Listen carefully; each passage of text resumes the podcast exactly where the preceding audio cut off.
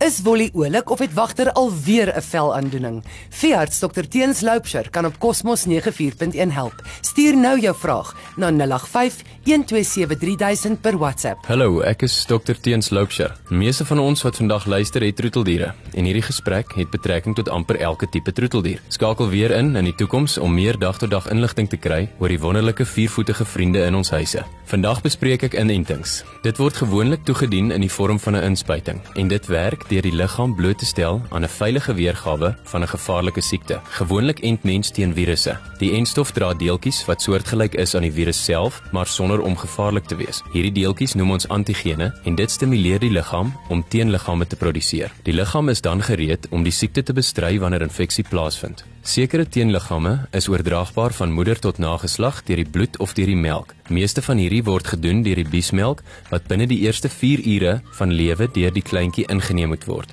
Dit is wat hondjies en katjies so groot voorsprong gee as hulle ma ingeënt is teenoor diere wat geen entingsgeskiedenis het nie. Ons moet onthou dat as 'n dier geënt is, beteken dit nie dat die dier glad nie sal siek word van die siekte nie. Sy lyf is net beter ingestel om die siekte te veg indien hy in kontak sou kom met die siekte. Die kans vir 'n klein hondjie om katgriep te oorleef byvoorbeeld raak net soveel beter as hy volgens skedule ingeënt is. As daar 'n groot kans is dat die siekte in die omgewing is, byvoorbeeld katgriep of hondesiektevirus, is daar enstof wat baie vroeg in die lewe van 'n klein diertjie ingegee kan word. Indien enige honde in die huishoud al siek geword het van katgriep, en dan asseblief jou klein hondjies van so vroeg soos 3 weke met katgriep spesifieke enstof om hulle die grootste vegkans te gee. Gewoonlik begin ons ent by hondjies op 6 weke en dan van daar af weer op 9, 12 en 16 weke met die 5-in-1 enstof en van 3 maande af met hondstolheid. Nadat die eerste ronde entings klaar is, word hulle jaarliks opgevolg. Dit is omdat entings amper nooit vir ewig hou nie en dit moet weer 'n versterkingsenting kry.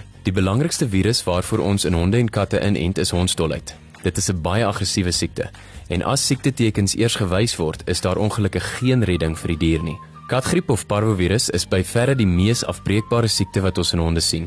Die naam katgriep is 'n ou naam en dit het eintlik geen verwantskap met katte nie. Dit is 'n siekte wat die binnewand van die darmkanaal aantas. Dit veroorsaak dat die wand afsterf en daaroor sien mense die bloederige diarree. In my ervaring, selfs onder ideale hospitaalomstandighede, oorleef net so 75% van klein hondjies. As mens by die huis probeer behandel, oorleef so 30% en as mens glad nie behandel nie, oorleef 'n skrapse 5 tot 10%. Die gemiddelde koste vir 'n katgriepbehandeling is so 5000 tot 6000 dollar, as gevolg van die mate van sorg wat nodig is om die kleintjie te probeer deurtrek. Dit kan ook baie duurder word. Dis is dit baie belangrik om seker te maak dat jou diere volgens skedule ingeënt word en ingeënt bly. Ek hoop dit het 'n paar vrae rondom inentings geantwoord. As daar enige meer is, skakel ons gerus by die kliniek by 228405. Daar sê alles beter. Wolly jag al weer die voels rond en wagter mag weer op die bed slaap. Dankie dokter Teens, wat omgee.